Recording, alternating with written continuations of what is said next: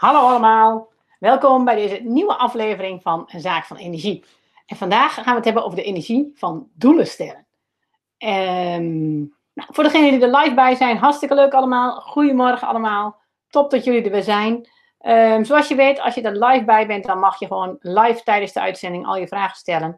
Um, heb ik daar tijd voor, dan ga ik op je vraag in. Vind ik dat een vraag minder past of minder klopt, of uh, dat we te weinig tijd hebben, dan uh, kan ik de vraag overslaan. Maar meestal ga ik gewoon op alle vragen in.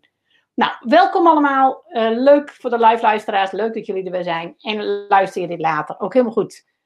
Ik zwaai nog even naar de mensen thuis. En dan zet ik mijn video weer uit. Dat is vooral voor mezelf altijd lekker relaxed. En dan gaan we beginnen. Eens even kijken. Ja, als eerste moet ik jullie natuurlijk even heel erg bedanken. Want ik heb vorige week een uh, mailtje rondgestuurd uh, naar de luisteraars en niet-luisteraars um, van, dit, uh, van deze podcastserie. Met een aantal vragen hoe jullie dit vinden. En daar heb ik ontzettend veel reacties op gekregen. Ik heb op het moment um, meer dan 80, 85, 90 reacties binnen. Allemaal ontzettend leuk. Um, heel interessant om te zien wat jullie waarderen, waar jullie meer van willen, wat je eventueel anders wilt. Dus daar ga ik heel veel mee doen. Een van de tips die jullie gaven, van de dingen die anders kunnen, waar ik zelf eigenlijk ook al wel een paar keer over dacht, maar wat er nog steeds niet van kwam, is gewoon een vlottere intro. Dus dat ga ik hierbij doen. Ik ga wat minder herhalen van de vorige keer. En dat is er inmiddels ook wel zo ingeramd. Dat hoeft niet meer. En uh, we gaan vlotter beginnen. Maar als eerste dus bedankt. Bedankt voor de invullen van de survey. Bedankt voor jullie leuke ideeën. Kan ik ontzettend veel mee. En um, een van de leuke reacties die ik kreeg, dat was, uh, was deze reactie een van de mensen die meedeed met, het, uh, met de survey. En die zei: um, hè, Ik wil wel wat meer, meer weten over energielekken, hoe je die herkent, wat je eraan kunt doen. En ze zei: En ik wil iets over doelen stellen en behalen. En jezelf moeten blijven ontwikkelen en dat je daarbij uit je comfortzone zou moeten komen. Want dat soort dingen hoor ik vaak, maar al denk ik zelf dat ik mezelf beter ontwikkel als ik in mijn comfortzone blijf. Daarbuiten moet je veel te veel op je tenen lopen en dat kost me dus bakken energie. Daar heb jij vast iets zinnigs over te vertellen dat zette mij aan het denken. Ik dacht, hé, hey, doelen stellen, comfortzone, energie, dat is een leuk onderwerp. Dus dat is het, uh, het onderwerp van vandaag geworden. We gaan het hebben over doelen stellen en energie. Daarbij komt comfortzone ook een beetje aan, aan bod. Maar we gaan eens even kijken van wat, um, hoe zit dat nou eigenlijk met, uh, met doelen stellen en energie? Hoe werkt dat? Dus daar gaan we het in deze aflevering over hebben. Doelen stellen, is dat belangrijk? Is dat essentieel? Hè, um, daar gaan we uitgebreid naar kijken. Er zijn niet zoveel ingediende vragen binnengekomen. Er was één hele leuke vraag. Maar ik denk dat ik die vraag ga doorspelen naar volgende week. En dat ik daar weer een uh, speciale af aflevering van maak. Dus dat. Um, dat uh, ik schrok even, want er kwam in één keer een spinnetje uit mijn haren zakken. En daar ben ik helemaal niet bang voor spinnetjes. Maar het was wel een soort van reflex van wat gebeurt er nou.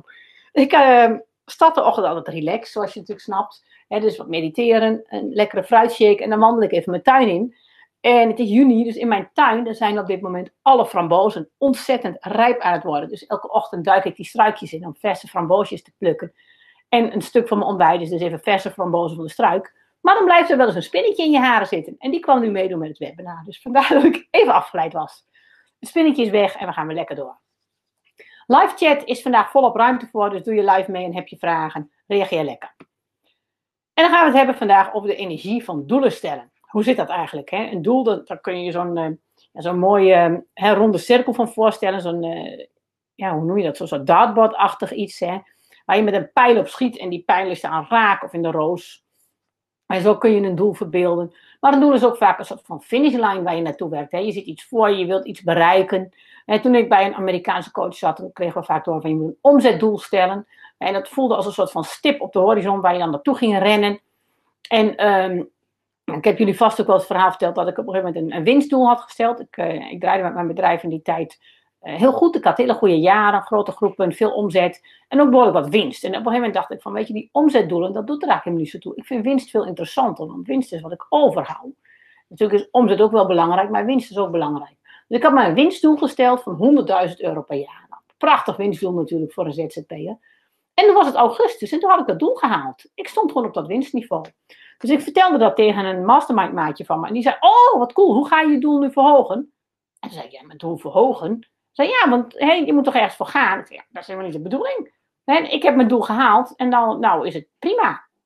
En daarin zag je al in dat gesprek, het gaat er helemaal niet om wie had daar nou gelijk in, maar dat mensen dus heel verschillend met doelen om kunnen gaan. Voor sommigen is een doel iets om hen te motiveren, in beweging te brengen. Terwijl voor mij was het doel van, ja, weet je, ehm, dan blijf ik rennen, dan ben ik nooit gelukkig. Dan blijf ik altijd ergens naar streven. En ehm, ik heb dat doel gehaald, het is nu mooi. Dus daar, gingen we heel verschillend mee om. Nou, daar wil ik vandaag eens wat meer mee ehm, dieper op ingaan, want je kunt namelijk ontzettend veel doen met doelen, ook op een zacht werken manier en vanuit je energie. Maar doelen kunnen er ook voor zorgen dat je heel erg in hard werken belandt. Als een doel iets is van zo'n zo'n bewegende finishlijn, die je steeds verder duwt en die je steeds niet uh, realiseert, en dat, vanuit het, eh, de, de, meer Oosterse filosofie en boeddhisme en zo wordt bijvoorbeeld vaak gezegd, dat begeerte is de, kan de bron zijn van ongeluk. Als je altijd maar dingen blijft begeren en meer en meer en meer wilt, dan bereik je dat nooit. Dan ben je nooit gelukkig met het nu. Aan de andere kant is begeerte ook wel dat wat ons op gang brengt. We willen graag iets en daardoor gaan we dingen doen. Nou, als je niets meer wil, ja, dan, dan zit je voor je huisje te mediteren de hele ochtend naar de bomen te kijken hoe mooi de wereld allemaal is. En dan, uh, dan gebeurt er weinig. Of je bent heel depressief en het heeft allemaal geen zin en dan gebeurt er ook weinig. Dus ja, aan de ene kant wil je wel iets van doelen en beweging. Aan de andere kant uh, wil je ook niet eindeloos achter dingen aan moeten rennen en jezelf moeten pushen uit die comfortzone. Want daar word je ook niet gelukkig van. En dus hoe zit dat nou met, eh, met doelen en energie? En daar wil ik vandaag eens wat dieper op ingaan. Eerst een aantal voorbeelden van wat bedoel je dan precies met een doel?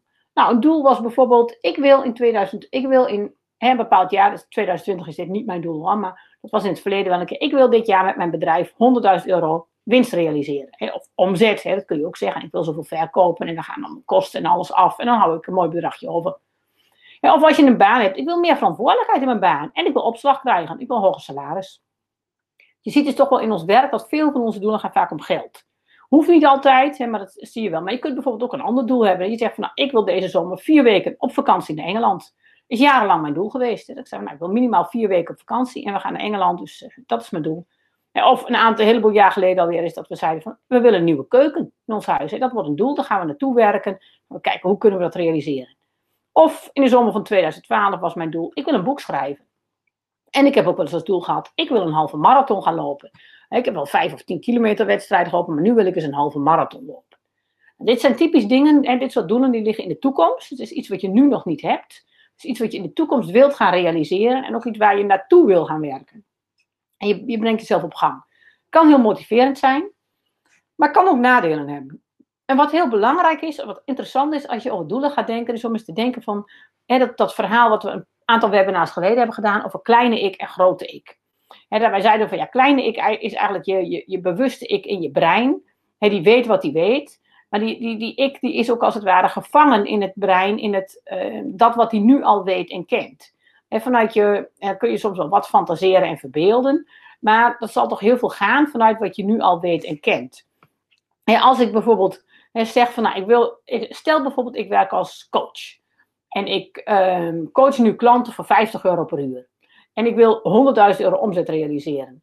Dan betekent dat dat ik dus minimaal 2000 coachingsuren moet draaien dit jaar. Nou, dan denk ik mezelf, ja, maar ik wil niet zoveel uren werken. En ik moet ook nog marketing doen. En dan word ik heel druk. En dus dan, eh, als ik van het bestaande uitga, dan uh, lijkt dat doel onhaalbaar. En eh, wat dan ook het leuke is van zo'n doel, en dat is ook het leuke, is dat je op een gegeven moment ziet van hé, dit kan niet vanuit het bestaande. Ik moet dit op een hele andere manier gaan doen. En, als het, en dat betekent dus dat je doel als het ware ook je, het brein van je kleine ik gaat openbreken. Want je moet dus op een andere manier gaan werken, op een andere manier gaan denken. Je moet dingen gaan doen zoals je ze nog nooit hebt gedaan. En daarmee hè, ehm, is dus ook het leuke van een doel, dat het doel een kleine ik kan overstijgen. Want je moet buiten de gebaande paden, buiten hoe je nu werkt, moet je uitstijgen. Nou, aan de andere kant hadden we ook grote ik. Hè. We zeiden grote ik, dat is als het ware het deel van je brein dat connect met het al. Met alles om je heen. Omdat het veld, God, het universum of gewoon de wereld. En het grote ik is als het ware die ik die ook inspiratie ontvangt. Die kant-en-klare ideeën ontvangt. En zoals bijvoorbeeld de schrijfster van Harry Potter vertelde, dat ze ooit tijdens een lange treinreis vanuit Manchester naar Londen het hele idee van Harry Potter in haar hoofd kwam. En natuurlijk moesten ze nog alle details uitwerken en allemaal dingen erbij verzinnen. Maar het hele basisidee van een tovenaarsleerling die als uh, weeskind opgroeit en uh, naar een toverschool gaat en het daar opneemt tegen het kwaad. Dat hele basisidee was er in één klap. En dat is wat anders dan het denken vanuit kleine ik, waarin je gaat zitten mijmeren en malen en denkt van, hoe zal ik eens een boek kunnen schrijven? Nou, toverboeken zijn op dit moment wel populair, laat ik het eens in dat genre zoeken. Er is een groot verschil tussen kleine ik, dat is eigenlijk denken vanuit het bekende, het bewuste brein, en grote ik, waarin je ook connect met het onderbewuste, het onbewuste, het al, het bewuste buiten jou. En ehm, als je dan, waarom is het nou belangrijk als je naar doelen kijkt? Nou, als je naar doelen kijkt, wie stelt dan het doel? De meeste doelen stellen we vanuit kleine ik. En dat is wel belangrijk om te realiseren. Want als je dus zo'n doel stelt, zo'n doel als wat ik eerder zei, die stel je vanuit kleine ik. Maar kleine ik, die weet alleen maar wat hij weet. En uh, wat we in die aflevering over kleine ik en grote ik ook zeiden, je weet niet wat je niet weet. En er is dus nog een heel stuk buiten je bewuste brein wat je niet weet. Een enorme wereld. En dat is niet alleen de wereld buiten je, maar het zijn ook je eigen waarnemingen. En er is bijvoorbeeld bekend dat van alle impulsen die jouw lichaam opvangt gedurende de dag, gaat maar, maar 5% door naar je bewuste brein. En de rest wordt er uitgefilterd door de filtermechanismen van je brein. En die filtermechanismen heb je ook zelf ingesteld en geleerd in de loop van je leven. In de zin van wat is relevant en wat is niet relevant. En bijvoorbeeld vanuit uh, trauma's is dat heel bekend. Dat stel bijvoorbeeld dat jij een, een moeder had met een alcoholprobleem.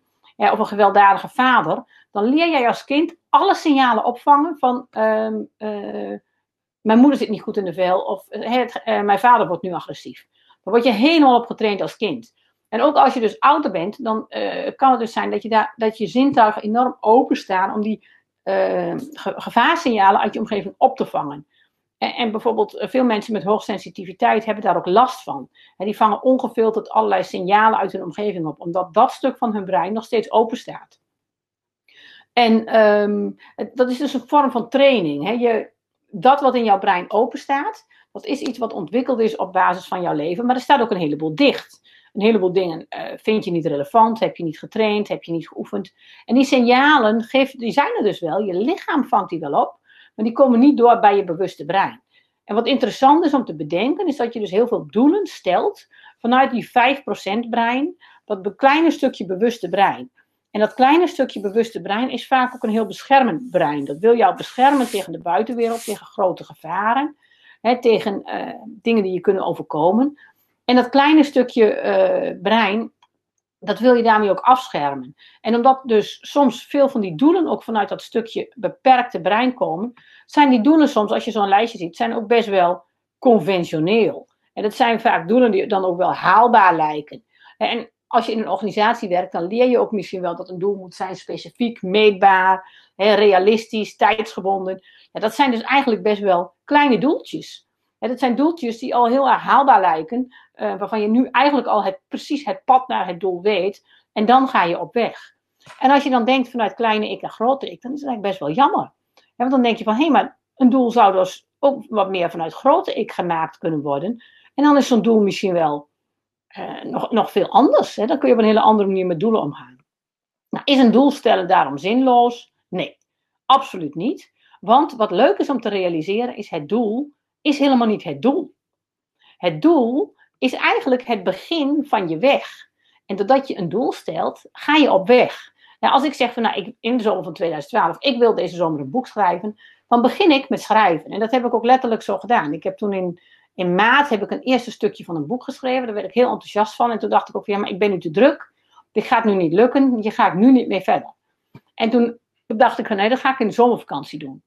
En toen heb ik daarover lopen mijmeren. En toen heb ik besloten, nou, ik ga in de zomervakantie elke dag uh, minimaal duizend woorden aan mijn boek schrijven. Ik had totaal geen ervaring met boeken schrijven, wel met blogs. En ik wist wel dat ik uh, heel vrij korte tijd zo'n duizend woorden zou moeten kunnen schrijven. Maar in een boekvorm had ik dat nog nooit gedaan.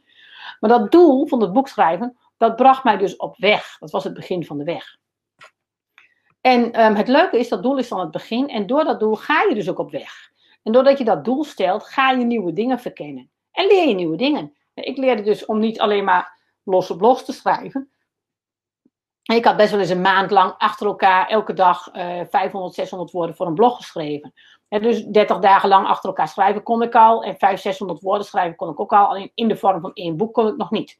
En dat um, liet dat doel van ik wil een boek schrijven, liet me dat leren, die nieuwe dingen. En um, dan kom je in beweging. En het interessante is dan ook dat die stip op de horizon dan ook kan verplaatsen. En misschien ontdek je wel na een week boekschrijven dat je denkt, ik vind er helemaal niks aan. Het was wel mijn doel, maar eigenlijk past dit helemaal niet bij mij. Of je denkt misschien van, god, dit is hartstikke leuk, ik blijf mijn leven lang doelen schrijven, of boeken schrijven. Dus um, wat heel belangrijk is, is dat je een, dus doel stelt, maar dat je doel dus ook ziet als een beginpunt en niet per se als een eindpunt. Het is een startpunt, geen eindpunt en je hoeft het niet in beton te gieten. En natuurlijk moet het dan ook wel weer zo zijn dat je wel vasthoudend moet zijn. En je moet niet na, direct na twee dagen opgeven en zeggen, nou, het boekschrijven is niks voor mij. dan werkt het ook niet om een doel te stellen. Dus aan de ene kant stel je dat doel en wil je erin vastbijten. Maar je wil ook aanpassen waar nodig is. En je wil het doel ook opgeven als het echt niet meer past. Ik heb bijvoorbeeld um, zeven jaar Aikido gedaan. Vond ik heel leuk. En op een gegeven moment merkte ik van het, het past minder meer bij mijn lichaam. Mijn hoofd wilde het wel. Mijn hoofd wilde heel graag wat leren en kunnen. Maar mijn lichaam werd er heel moe van. Ik werd zelfs een beetje misselijk als ik uh, aan het Aikido was. En het gekke was dan, dan was ik moe en misselijk. En dacht ik van, nou wat heb ik toch? Heb ik een burn-out? Gaat het niet goed met me? Ben ik ziek? Heb ik een griepje onder de leden? Maar als ik wat anders ging doen, dan was ik super energiek en fit. En zo gauw ik op de mat stond, had ik, had ik daar weer fysiek last van. Dus toen ging mijn lichaam mij ook laten voelen van, Ellen, dit doel, van dat intensieve Aikido training, dat past gewoon niet meer op dat moment. En toen heb ik ook gezegd van, nou, ik neem een, een Aikido vakantie. Ik heb me in mei afgemeld. Per 1 juni stopte de Aikido voor mij. En toen ben ik nog een keer naar een examenbijeenkomst uh, geweest en gekeken en allemaal Aikido-maatjes ontmoeten. Dat was heel leuk. En toen ben ik gewoon de zomer ingegaan van heel los. Van nou, ik ga wel eens kijken of ik na de zomer weer zin krijg in Aikido en hoe dat gaat. En ik ga ook niet wat anders doen. Ik ga me niet op iets anders vastleggen. En ik ga gewoon kijken uh, hoe het me bevalt. En ja, weet je, dan ga ik natuurlijk wel een beetje hardlopen om in conditie te blijven. Want hardlopen deed ik mijn hele leven al. En toen ontdekte ik dat ik het hardlopen ontzettend lekker vond. Dat ik daar weer heel veel energie van kreeg. En uh, dat ik op mijn, uh, mijn vibrams, mijn schoentjes, heerlijk kon hardlopen. Dat heb ik de hele zomer gedaan. En toen kwam ik in de loop van de zomer zelfs een, een training tegen voor hardlopen echt op blote voeten. Nou, dat is te curieus, dat wil ik toch doen. Bij mij in de buurt, bij uh, Delft. Superleuk. En zo belandde ik eigenlijk zonder een doel te stellen, zomaar in het blote voeten hardlopen. Wat ik vervolgens de hele winter en tot nu toe nog steeds doe. Ik heb de hele winter op blote voeten hard gelopen. Uh, behalve als het ochtends onder de 5 graden was, dan wachtte ik even tot het in de loop van de dag rond de 7 graden werd. En dan uh, ging het alsnog wel op blote voeten. En als het heel koud was, dan begon ik de eerste kilometer met schoentjes aan, terwijl mijn voeten lekker warm waren. Maar dan zie je dus zo'n doel stellen, hè, van ik wil Aikido doen, ik wil mijn tweede Q halen, mijn eerste Q, mijn, mijn dans halen. Op een gegeven moment kom je er dus misschien op dat je op die weg ontdekt van hé, hey, dat doel past niet meer. Dus aan de ene kant wil je dat, dat doel vasthouden, je wil niet zomaar opgeven, maar je wil ook lekker meebewegen. Je wil ook zeggen van op een gegeven moment, ja, dat doel dat, dat past niet meer. En waarom is zo'n doel nou ook lekker? Een doel focust ook je brein. Ik vroeg me niet op zondagmiddag af, wat zal ik vanavond eens gaan doen? Want op zondagavond had ik Aikido. En op dinsdag en op donderdag. dus dat focuste mijn brein. Natuurlijk ging ik op, uh, op die avond naar, uh, naar Alphen rijden. Want dat was belangrijk, daar ging het om. En um, wat ook belangrijk is om te beseffen, doordat je je dus gaat focussen op dat doel, ga je veel meer mogelijkheden zien om dat doel te realiseren. En als jij je focust op, ik wil deze zomervakantie een boek schrijven, dan ga je daar ook tijd voor maken. Ik sprak bijvoorbeeld met mijn gezin af, nou, ik wil ochtends schrijven, dus ik ga er ochtends voor zitten. En dan wil ik ook niet gestoord worden. En uh, daar zocht ik dan ook tijd voor. En dacht ik ook van, ja, dan moet ik ochtends wel op tijd opstaan. Moet niet tot tien uur uitslapen. Dus dan moet ik om half acht eruit. Maar dan moet ik ook een beetje fit zijn. Dus dan moet ik s'avonds wel op tijd naar bed. En toen heb ik ook met mezelf afgesproken van, nou, dan ga ik dus s'avonds op tijd naar bed en ik drink geen alcohol. En dat was eerlijk gezegd nog het lastigste stukje van het hele boek schrijven. Dat schrijven ging vanzelf. Maar gewoon, terwijl je vakantie hebt, vier weken lang uh, ik heb geloof ik één avond een keer een biertje gedronken. En toen merkte ik ook direct de ochtend daarna dat ik wat minder helder was. Het is niet zo dat je dan stom dronken moet worden. Maar ik merk gewoon dat je één of twee glazen alcohol drinkt. Dat ik heel goed tegen alcohol kan. Ben ik die ochtend daarna wel minder helder. En die subtiele helderheid heb ik wel nodig om nog echt goed boek te schrijven. Om daar lekker in af te dalen. Dus dat was een hele interessante ervaring. Dat is ook merkte van door dat doel te stellen zorgde ik ervoor dat ik tijd had. Dat ik ochtends eh, scherp was, dat ik fit was. En gingen er ook andere dingen mee bewegen. En die ik ook ging aanpassen vanwege dat doel. Omdat ik me vastbeet in dat doel. Maar ja, daardoor heb je dus ook andere mogelijkheden niet. Hè. Een keer eh, lekker doorzakken bij een barbecue op de camping of op een terrasje. Ja, dat was het dus niet. En zo kan een doel dus ook gaan zorgen voor oogkleppen. En als je alsmaar doelen stelt en je daar alsmaar in vastbijt en bijvoorbeeld geld wordt, wordt steeds je doel en het moet steeds meer, meer, meer, dat kan een spel zijn waar je veel plezier in hebt, maar het kan ook oogkleppen worden. En het kan ook zijn dat je daardoor dus dingen niet meer ziet en dat je dus eigenlijk um, jezelf altijd een wortel blijft voorhouden, vooruit blijft rennen en een heleboel in je wereld niet meer waarneemt en je ook niet meer mee verbonden bent. En dat is heel jammer. Want um, je kunt vanuit die doelen, hoef je niet alleen vanuit kleine ik te stellen. Je kunt ook vanuit grote ik met je doelen omgaan. En dan kijk je bijvoorbeeld van, nou, ik wil dat boek schrijven, maar wat zegt mijn energie nu? Ik heb um, deze winter en dit voorjaar gewerkt aan een kinderboek. Daar heb ik nu een conceptversie van af. En dat ging een beetje met horten en stoten. Dat was, soms dan ging het een paar dagen lekker en dan weer niet. En dan zei mijn energie ook van, doe nu maar even niet. En even niet aan schrijven. En dus um, als je echt afstemt op die energie van grote ik, en dat buiten jezelf, dan krijg je soms dus ook het gevoel van ja, ik wil wel uh, die omzet of ik wil wel zoveel klanten. Uh, maar dat gebeurt niet. En ik voel eigenlijk ook wel dat dat niet helemaal klopt, dat doel wat ik heb gesteld. Ik had dat heel veel bij mijn uh, programma's die ik gaf, mijn jaarprogramma's en mijn grote groepen. Ik wilde graag groeien, hè, van 30 naar 50 mensen naar 70 mensen. Ik zou dat ook best aankunnen, dat aantal mensen. Maar dat gebeurde niet. En ik voelde ook vanuit grote ik van dat is helemaal niet de bedoeling. En in plaats van dat groeien naar groter, groeide ik eigenlijk naar kleiner. Mijn bedrijf werd op een gegeven moment ook weer eenvoudiger.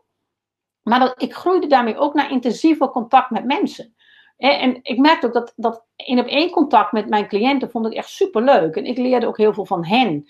En uh, ik vond het ook heel leuk om ook op energieniveau met hen verbonden te zijn. En hen daarin ook te steunen. En dat, um, ja, ik merkte dus dat op een of andere manier grote ik wilde niet dat ik naar meer mensen ging, maar naar minder en intensiever contact. En waarom? Ja, dat, dat weet je dan soms ook niet precies op dat moment. Maar ik heb dat regelmatig gehad, dat ik ook merkte van ja, ik kan met mijn kleine ikje wel iets willen. Uh, maar mijn, mijn grote ik, de connectie met het al, wil dat niet altijd. Um, en het is ook weer niet zo dat, dat het al dat maar bepaalt. Want ik mag ook mijn doelen stellen en daarvoor gaan. Maar um, ja, het werd op een gegeven moment een beetje spelen met mijn doelen. En vanuit de inspiratie van grote ik, vanuit wat ik zelf wil, um, ontstonden eigenlijk de meest krachtige doelen. En het leuke was dat als zo'n doel dan past, dan ging het ook heel erg spelenderwijs. En dan ging het ook als vanzelf. Het grappige is dat ik um, op het podium altijd zei van ja, een bedrijf, het gaat niet om een villa en een Porsche. het gaat erom dat je eh, neerzet in de wereld wat jij wil neerzetten. En dat je gelukkig bent en daarmee voldoende inkomen genereert. Maar het grappige is dat ik eigenlijk zelf als spelenderwijs wel een villa en een Porsche heb gecreëerd. Een villa, dat is mijn 25 vierkante meter tuinhuisje kantoor. En mijn tiny office met een prachtige moestuin, kruidentuin eromheen. En ja, dat is nou het kantoor van waaruit ik vaak werk. Um, het is heel leuk, want dan um, tussen de coachingscalls met klanten door loop ik even naar buiten. En dan pluk ik wat uh, sugar snaps of ik hou de peultjes bij. Eh, of ik plant wat, uh, wat, wat andere groentes aan. Ik oogst wat kruiden en dan zit ik weer met de klanten bellen. Dus ik zit nu ook vanuit heel andere energie dan vanuit daar te werken. Het is ook echt een mijmerkantoor. Maar ik heb altijd gezegd, het gaat niet om die villa en die Porsche. Terwijl ik eigenlijk als vanzelf die villa en die Porsche bij elkaar heb gekregen. De, Porsche heb ik gemanifesteerd, de villa heb ik gedroomd en die was er. Dat was heel grappig. Dat, uh, dat was helemaal niet met een hard, hard werk en een doel stellen. Maar dat kwam op een hele andere manier tot me. En dat is denk ik heel belangrijk om te realiseren als het om doelen gaat. Hou niet te veel vast aan die doelen van kleine ik. Besef je dat sommige van die doelen echt vanuit je kleine ikje komen. En uh, klamp je daar niet te veel aan vast. En wees ook alert op ego-doelen. Want dat zie ik um, veel om me heen. En dat is van jezelf natuurlijk lastig te herkennen. Maar bij een ander herken je dat vaak makkelijker. Een ego-doel, dat is een doel van... Hè, ik zal ze het wel eens laten zien. Ik wil me bewijzen. Um, of ik heb niet genoeg. Hè, um, en dat ego-doelen zijn heel veel doelen vanuit schaarste als je in die lage energie zit, die energie van er is niet genoeg, en die energie van uh, zwoegen, zweten, sleuren, dan wil je vaak, dan heb je het idee dat je een doel moet stellen. Dat je als je dat doel bereikt, word je pas gelukkig. Hè? Dus het geluk ligt buiten jouzelf en buiten het hier en nu. Dat is straks. En dan moet je hard voor werken en ploeteren en zweten en zwoegen. En dan heb je straks dat doel verdiend. Maar op het moment dat je zo met het doel omgaat, dan zit je heel erg vanuit schaarste naar dat doel te kijken. En dan ben je enorm vanuit schaarste uh, doelen aan het stellen. En dan zul je dus ook die overvloed nooit bereiken en dat geluk. Want je, je, je zaait vanuit schaarste en dan oogst je ook schaarste. En dan blijf je dus bijvoorbeeld ook die doelen verschuiven, waardoor je nooit gelukkig wordt. Terwijl als je vanuit overvloed naar een doel kijkt, dan is het veel meer van, vanuit plezier iets actief vormen. En die moestuintjes van mij, die zijn veel meer niet gekomen van, nou, ik heb een doel of een stip aan de horizon, maar meer van, goh, wat zou het leuk zijn om eh, meer eigen groenten te kunnen verbouwen, om meer kruiden te hebben. En dan ontstaat zoiets heel spelenderwijs.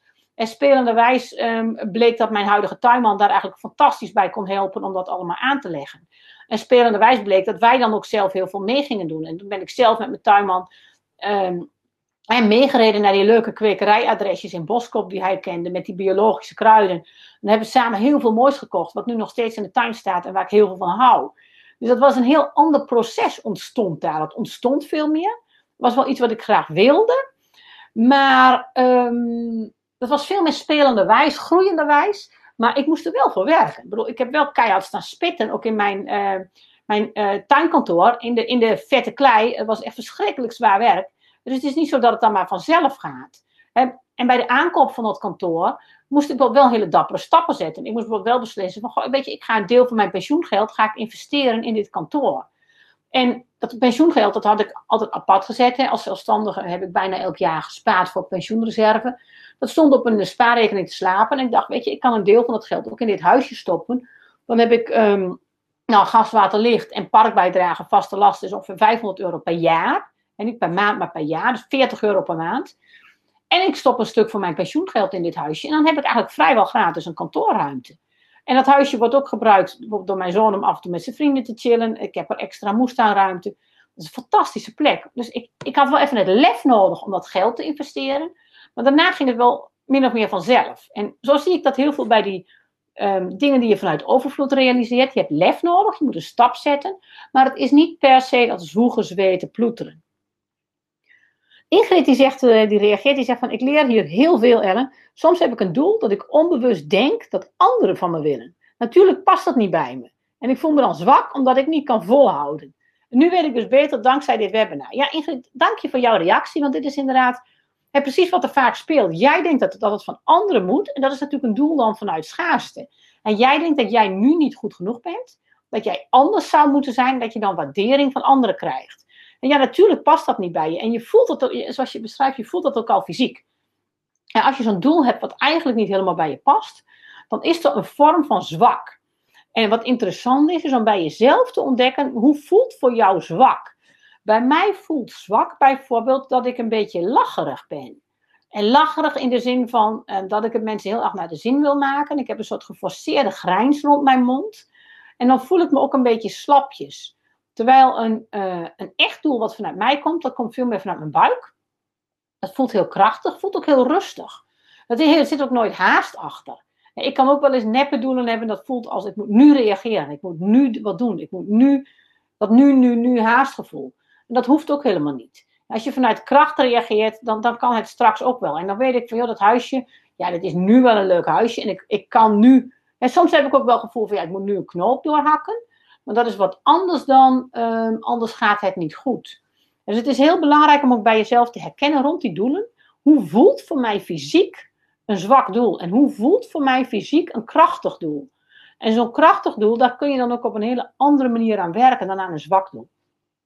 Het is trouwens interessant om te weten dat als je kijkt naar marketing en sales, en daar um, heb je mensen die bijvoorbeeld met technieken van NLP um, uh, op hun events graag iets willen verkopen. En die technieken kun je heel uh, natuurlijk en oprecht inzetten, maar je kunt die technieken ook gebruiken om anderen in schaarste te duwen.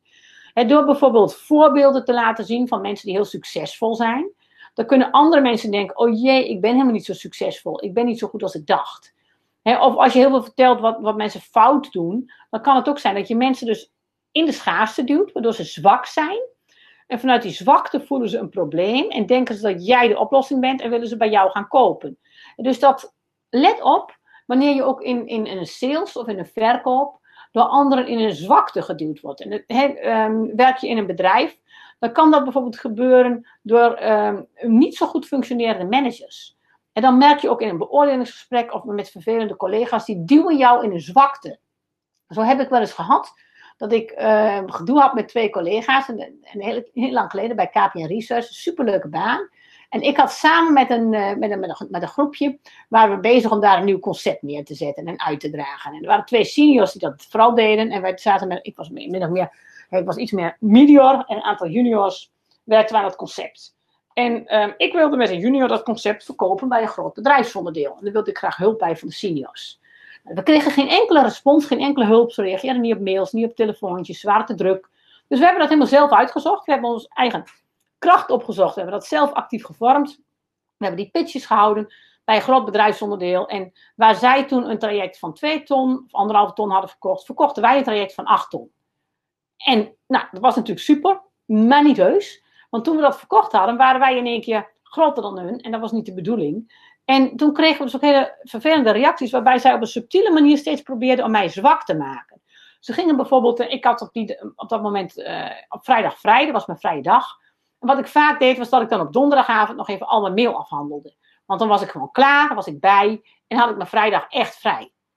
Zij zijn toen een keer naar mijn manager gestapt en zei tegen mijn manager ja, we maken ons druk, eh, een beetje zorgen om Ellen. Werkt hij niet te hard, want die mailt donderdagavond nog vaak zo laat. En is het half tien en dan mailt ze ons nog. Nou, dat zijn typisch voorbeelden van hoe je dus ook in een baan door mensen om je heen zwakker gemaakt kunt worden.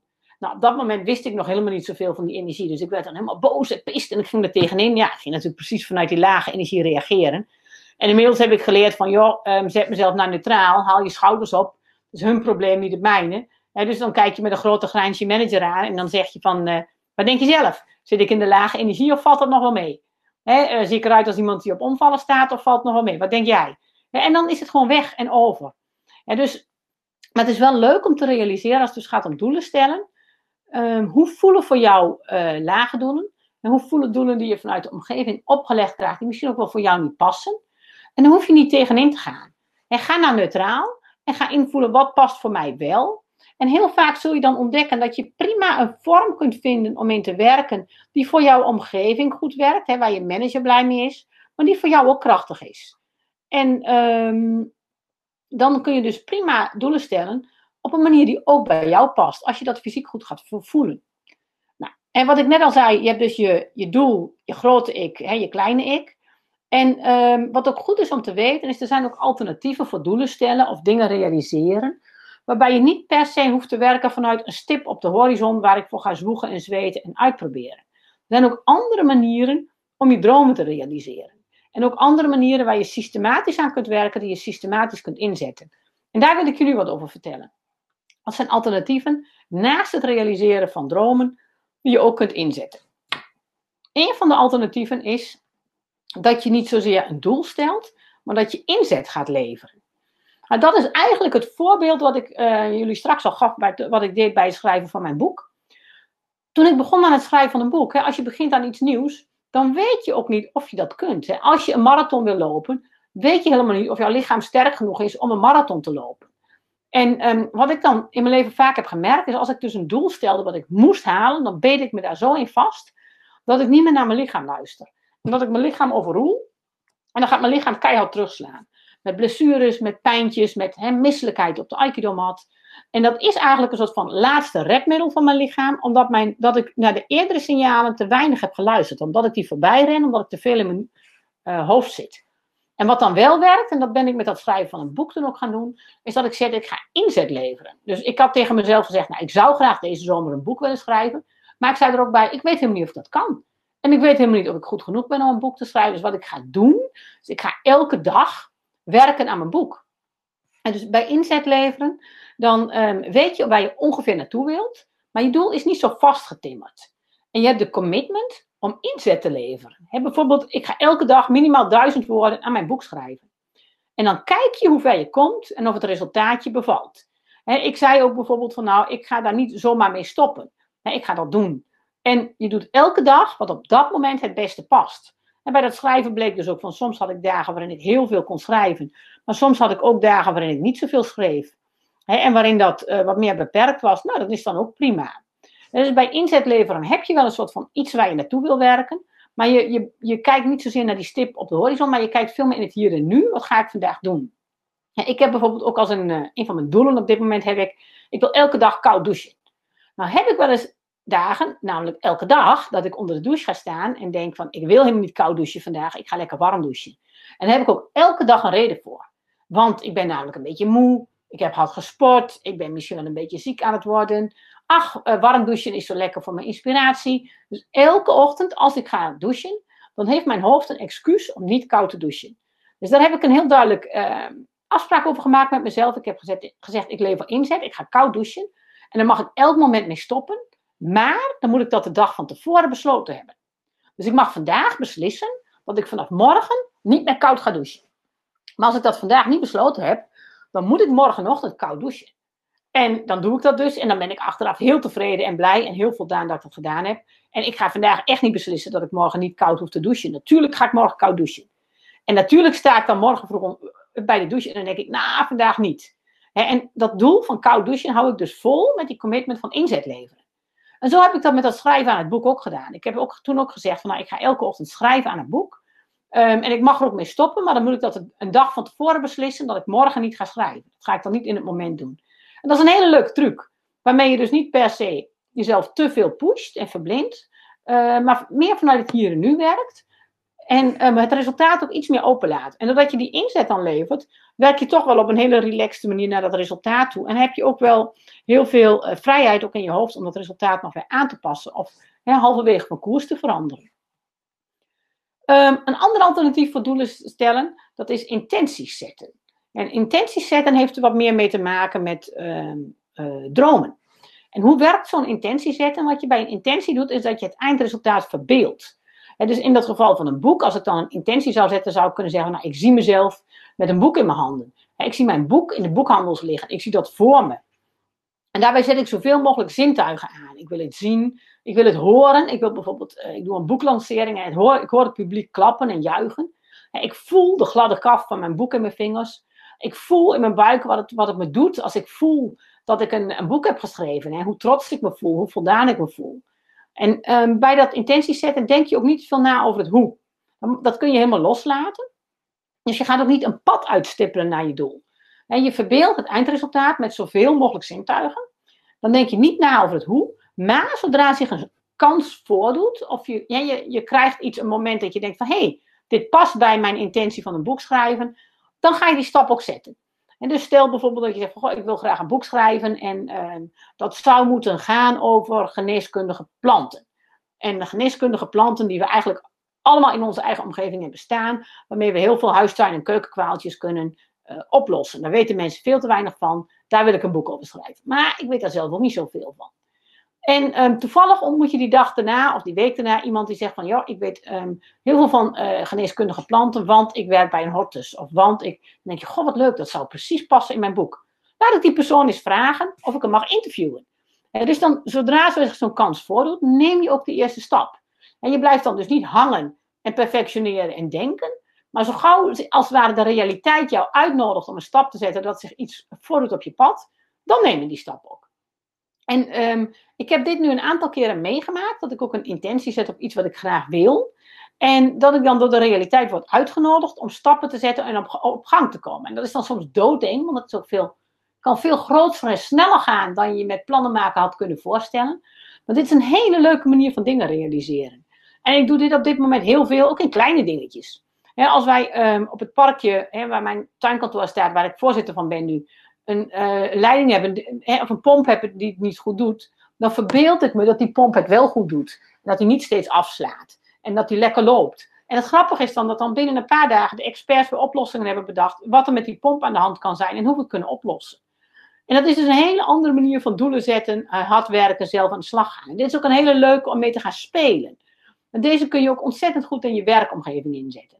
Gewoon spelen met wat wil ik graag bereiken. Hoe voelt dat? Hoe ziet dat eruit? Hoe en dan het hoe een beetje loslaten. Dus echt het, um, eindresultaat verbeelden. En het dan uh, ja, wel aan de gang gaan als het moet.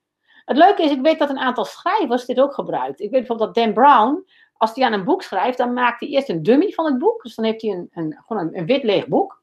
En dan maakt hij voor zichzelf een cover van zijn boek met, met een voorlopige titel erop. En dat plakt hij op die dummy en die legt hij op zijn bureau. Dus het boek waar hij aan schrijft ligt als het ware al op zijn bureau. Nou, dat is natuurlijk super geinig. En um, dat intenties zetten, dat werkt dus ook als een soort van um, ja, toekomstbeeld wat je neerzet voor jezelf, maar het gaat ook werken als een elastiekje. Je wordt als het ware door dat toekomstbeeld naar voren getrokken, die toekomst in. En dat is wat anders dan met een doel werken vanuit het hier en nu naar die toekomst toe. En dat is als het ware, ik druk me weg vanuit het hier en nu.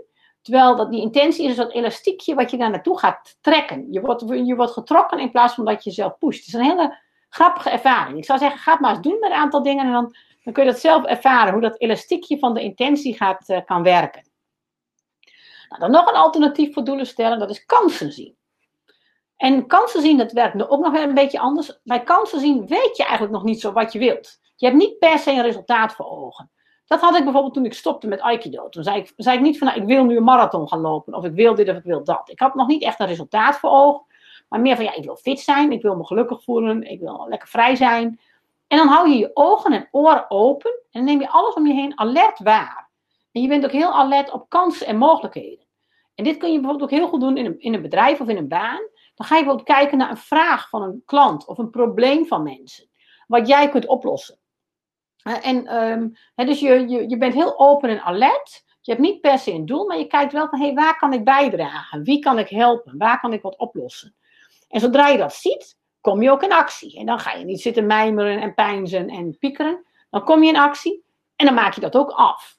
Het is dus niet zo dat je op een gegeven moment alles maar overal kansen ziet en zoveel ideeën hebt en je komt tot niks. Nee, en je, je mag best wel wat, wat meer kansen afwachten. Ik zit op het moment met mijn bedrijf en werk ook een beetje in zo'n fase dat ik denk van, goh, ik, ik raak wel weer eens toe aan een nieuw avontuur. En deze podcastserie is natuurlijk ook zo'n nieuw avontuur.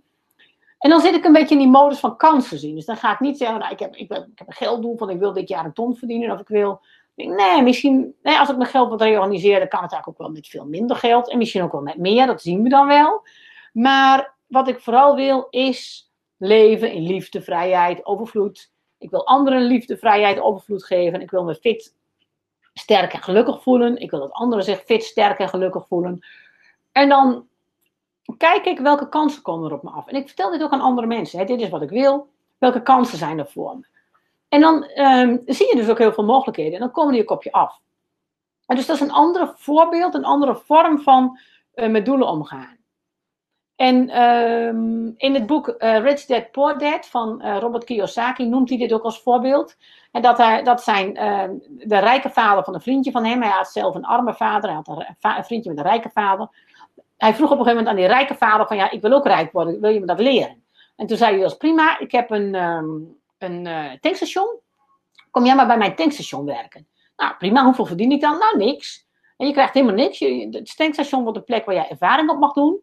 En doordat je daar ervaring op doet, uh, kun je zelf mogelijkheden gaan zien om geld te verdienen. Oh, nou.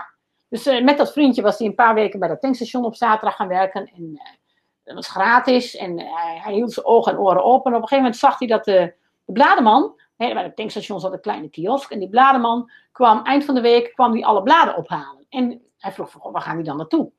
En die werden vernietigd. En dat waren de oude Donald Ducks en tijdschriften van de afgelopen week. Die werden vernietigd en die moest hij innemen. Nou, zei die zei die dan, eh, zei die jongen, mag ik er dan eentje hebben? Want ik wil best wel graag die Donald Duck en die stripboeken, die stripbladen lezen. Nou, zei die man, dat kan wel, maar dan knip ik dit stuk eraf. Want ik moet, dit stuk van het blad moet ik inleveren als bewijs dat ik het heb ingenomen. Dus dan krijg je die Donald Duck, maar dan is het wel zonder de halve achterpagina. Nou, dat vond hij prima. En wat hij toen bedacht, is dat hij van al die stripboeken, zonder die halve achterpagina, ging hij een bibliotheekje maken. Dus hij maakte een, eh, grote verzameling van Donald Ducks en stripboekjes thuis. En zijn vriendjes mochten, hoefden niet een Donald Duck voor 2 gulden te kopen, of 2 dollar, maar die mochten dus voor 10 cent per week bij hem Donald Duck lenen en lezen. Dus zo kon hij dus, um, zonder dat hij zelf kosten maakte, Donald Duckjes gaan uitlenen. En verdiende hij met zijn Donald Duck verhuur eigenlijk veel meer dan hij op dat tankstation had kunnen verdienen. Nou, of het verhaal echt gebeurd is, weet ik niet. Maar ik vind het een prachtig voorbeeld van zo werkt kansen zien. Kansen zien is dus dat je je ogen en oren open houdt. Je neemt alles om je heen waar. En van daaruit zie je mogelijkheden die niemand zag, die niemand had bedacht. En dit is wat heel anders dan naar een doel toe werken. En wat je ziet bij een aantal innovatieve bedrijven, is dat die vaak ook op zo'n manier zijn begonnen. Er is een heel leuk verhaal van uh, uh, Elon Musk, van uh, de eigenaar van onder andere Tesla en SpaceX. Die, was ook een van de, de eigenaren van PayPal de betalingsdienst. En die had op PayPal verkocht. Hadden wel wat kapitaal. En hij reed op een gegeven moment, had een lange autorit met een vriend door de woestijn. En um, toen hadden ze het over um, raketlanceringen. En hoe cool zou het zijn om een raket te lanceren? Ja, dat is hartstikke duur. Dat, dat, is veel te duur. En toen hij zei van, nou, we reden drie mijl, vier mijl, vijf mijl verder. En toen zeiden we tegen elkaar, keken elkaar aan en toen zeiden we, hoe duur? En toen zijn we dat gaan uitrekenen. En toen zijn we gaan kijken, hoe duur zou het zijn om een raket te lanceren? En hoe duur... En dus dat was ook zo'n voorbeeld van uh, vanuit het niets een kans zien, een mogelijkheid zien en er dan inspringen en mee aan de slag gaan. Nou, en nu zijn de commerciële raketlanceringen van SpaceX, die bestaan gewoon, die zijn gewoon een feit. En je ziet dat best wel veel uh, innovators regelmatig op deze manier werken. En die werken regelmatig op de manier van: ik zie een kans, ik zie een mogelijkheid en daar spring ik in. En het interessante is ook dat van, als ze daar dan inspringen, in deze fase, dan gaan ze vaak ook wel doelen stellen. En zoals van Steve Jobs bekend, dat hij hele strakke doelen stelde voor zijn team. En dat hij ook doelen stelde die gewoon niet konden. Nou, als je drie jaar nodig had, logischerwijs, voor de ontwikkeling van een mobiele telefoon of iets, dan zei hij tegen zijn team: dat gaan wij over een half jaar lanceren. En dat kon gewoon niet. En ze noemden dat in het bedrijf ook Steve's Reality, reality Distortion Field. Het is een realiteit, ja, verstoringsveld. Hij verstoorde gewoon de realiteit. Dingen die gewoon praktisch niet konden, moesten van Steve wel. Dus Steve Jobs gebruikte dat doelen stellen ook door dingen zo in te krimpen en te veranderen en zijn team zo onder druk te zetten, dat het dan toch wel lukte. Ja, dat is natuurlijk niet altijd zacht werken. Dat is wel hard werken, maar daarmee zette hij wel een aantal fenomenale innovaties neer. Ook in een tijd waarin dat veel sneller ging dan het eigenlijk normaal gesproken zou moeten kunnen. En dan, uh, het leuke is dat je dan ook ziet op deze manier dat dat um, doelen stellen met een pad en realistisch, acceptabel, tijdgebonden, dat werkt heel goed als je min of meer in een vertrouwde uh, situatie zit. als je al uh, bij, de Albert, bij de Unilever werkt en je hebt al 20 pasta-merken gelanceerd, het 21ste pasta-merk wat je lanceert of voedingsmerk, weet je, dan weet je best wel hoe dat gaat en dan heb je daar een tijdsplan voor en kun je dat heel strak neerzetten. Maar het ontwikkelen van een coronavaccin, op een ziekte die we nog helemaal niet kennen, die we nog maar amper begrijpen, en die hele andere effecten op het lichaam blijkt te hebben dan we dachten, want het is niet alleen een luchtwegziekte, maar het probleem is dat een virus ook in de bloedbaan terecht lijkt te komen. En dat lijkt via de longen te gaan. En daarmee uh, valt het heel veel organen aan. En juist dat orgaanfalen en die bloedklonters, dat is een groot nevenprobleem. Dat zijn we nu nog maar net aan het ontdekken. En dat die ziekte niet alleen door grote luchtdeeltjes wordt verspreid, maar ook door kleine luchtdeeltjes die lang blijven hangen. Hè, die je bijvoorbeeld met zingen verspreidt. Ja, dat wisten we allemaal helemaal niet. dus dan, voor dat soort situaties kun je niet zo goed zeggen van nou, we moeten binnen drie maanden of binnen zes maanden moeten we dit hebben. En dan kunnen andere dingen, zoals intenties zetten en kansen zien, dat wat meer open-minded zijn, kunnen ook heel goed werken. Nou, dan hebben we nog een volgende manier naast doelen zetten, uh, een, een, volgend alternatief, en dat noem ik intunen in het moment. En intunen in het moment, dat werkt ook weer heel anders. Dat doe ik ook heel veel. Dan voel ik, wat wil er nu gedaan worden? Waar voelt de energie licht en vrolijk en eenvoudig? En waar voelt het zwaar en lastig en moeizaam? En dan volg ik die energie. En laat ik me verrassen. En het grappige is dus ook dat ik dan um, ja, soms een heel zwaar gevoel heb. Van ja, dit, dit klopt niet. Dit past niet. Dit, terwijl ik, mijn hoofd zegt, nee, dit moet ik doen vandaag. ik moet een nieuwsbrief uitsturen. Ik moet testimonials van klanten delen. Ik moet meer klanten krijgen. En tegelijkertijd voelt dat dan zwaar en traag en moeizaam. En ik heb dus steeds meer geleerd om op die energie in te tunen en naar die energie te luisteren. En dan merk ik ook, als ik dan op die energie intune en ik doe die dingen, die gaan dan heel makkelijk en vanzelf en razendsnel. Maar die brengen me soms wel op een heel ander pad dan kleine ik met zijn doelen had gedacht. En um, ja, dan wil ik soms ook het lef hebben om dan van dat pad af te wijken en om dan die energie te volgen. En dus dat is ook een manier van werken. Als je in die overvloed zit, in, dat, in die wereld van actief vormen, is dat die energie jou als het ware um, een wind onder je vleugels geeft. En dat wordt een wind waarop je kunt gaan zweven, in plaats van dat je heel hard moet klapperen en zwoegen en zweten in de schaarste energie. Dus je krijgt als het ware de wind onder je vleugels, zo'n warme stroom die je opheft, die je verheft en waarmee je veel hoger en verder komt dan je met die uh, met heel hard klapperen van die kleine vleugeltjes van kleine ik had kunnen komen. En ik vind dat ook heel cool om te ervaren. Dan merk ik ook van ja, dan voel ik me ook echt gesteund door de wereld om me heen. Dan merk ik dat er meer is dan de kleine ik en Ellen. En dan denk ik ook van ja, en dan, dan um, kun je dus hele mooie dingen neerzetten en realiseren en bereiken op een hele andere manier. En um, nou, wat voor jou heel leuk is om te beseffen, hoe ga jij je dingen realiseren? En besef dus ook, die grote ik, die bestaat ook en die helpt je graag. En je kunt inderdaad prima doelen stellen. Een stip op de horizon waar je naartoe gaat werken. Dat kan je uitdagen. Dat kan een heel leuk beginpunt zijn van je pad. Maar het kan ook op andere manieren. Je kunt het ook doen met inzet leveren. Je zegt van ik ga elke dag schrijven aan dat boek. Ik ga drie keer per week Aikido trainen en ik kijk wel hoe ver ik kom. ik ga intenties zetten. Ik zie mezelf voor me op het podium met dat prachtige boek wat ik heb geschreven. Dat applaus ik zie de boekhandel hier in de stad, die grote mooie boekhandel, waar mijn boek vooraan op de stapel ligt. Ja, ik ga kansen zien. Ik ga gewoon mijmerend om me heen kijken. Waar hebben mensen een probleem? Welke problemen kan ik oplossen? Hoe kan ik ze daarbij helpen? En wat kan ik daar voor leuks over verzinnen? En hoe, maak ik daar een mooi businessmodel bij dat klopt? Ik ga gewoon um, daarop uh, mijn ogen open houden en alert zijn. En de laatste mogelijkheid die ik heb besproken was het intunen in het moment. En waar voelt de energie zwaar? Waar voelt de energie licht? En um, wat ook interessant is, wat ik heb geleerd, is dat bij dat intunen in het moment moet je soms ook wel eens lastige dingen doen. dat dat um, gedragen worden op de wind is niet altijd makkelijk, maar het vraagt dan meestal niet ploeteren of zwoegen. Het vraagt van mij bijna ook nooit doorzetten. Ik merk dat mijn zwakke punt is eigenlijk dat ik te veel doorzet en doorploeteren op een pad wat niet meer past. Maar wat dat intunen op het moment vaak van mij vraagt, is afscheid nemen. Stoppen met iets wat niet meer past. Niet doen niet doorrennen in de middag, maar even gaan zitten en voor me uitstaren. Mijn lichaam opladen, uitrusten, vakantie vieren. en ehm, ook echt die rust nemen en mezelf die rust gunnen. En ehm, als ik dat dan doe, dan, dat, dat zijn eigenlijk de lastige dingen van het intunen. Dat is veel meer het afscheid nemen van hoe ik dacht dat de wereld was en hoe ik dacht dat het moest. Ehm, en, en het is soms, het lastige van het intunen is ook in actie komen. Als ik dan een kans zie, of er is een mogelijkheid, dan moet ik niet achterover blijven leunen en blijven hangen en wachten. Dan, hè, als ik dan die droom heb gehad van dat tuinhuisje kantoor, dan moet ik ook eens even gaan zoeken van waar is dat tuinhuisje. Dan moet ik briefjes in de brievenbus doen. En dan, eh, hè, op het moment dat ik dan het leuke huisje zie, dan wil ik ook een knoop doorhakken van ja, dit wordt het. Maar dat gaat dan vaak wel op een ontspannen manier. Nou, dat was wat ik je vandaag wilde vertellen over het realiseren van doelen. Het realiseren van doelen en energie, comfortzone, het is dus lang niet altijd zo dat je, dat je um, lastige doelen in de toekomst moet stellen en jezelf dan moet pushen om uit je comfortzone te komen. ja, als je gaat groeien, betekent dat wel dat je wereld verandert. Maar vaak kom je dan ook uit je comfortzone vanuit passie.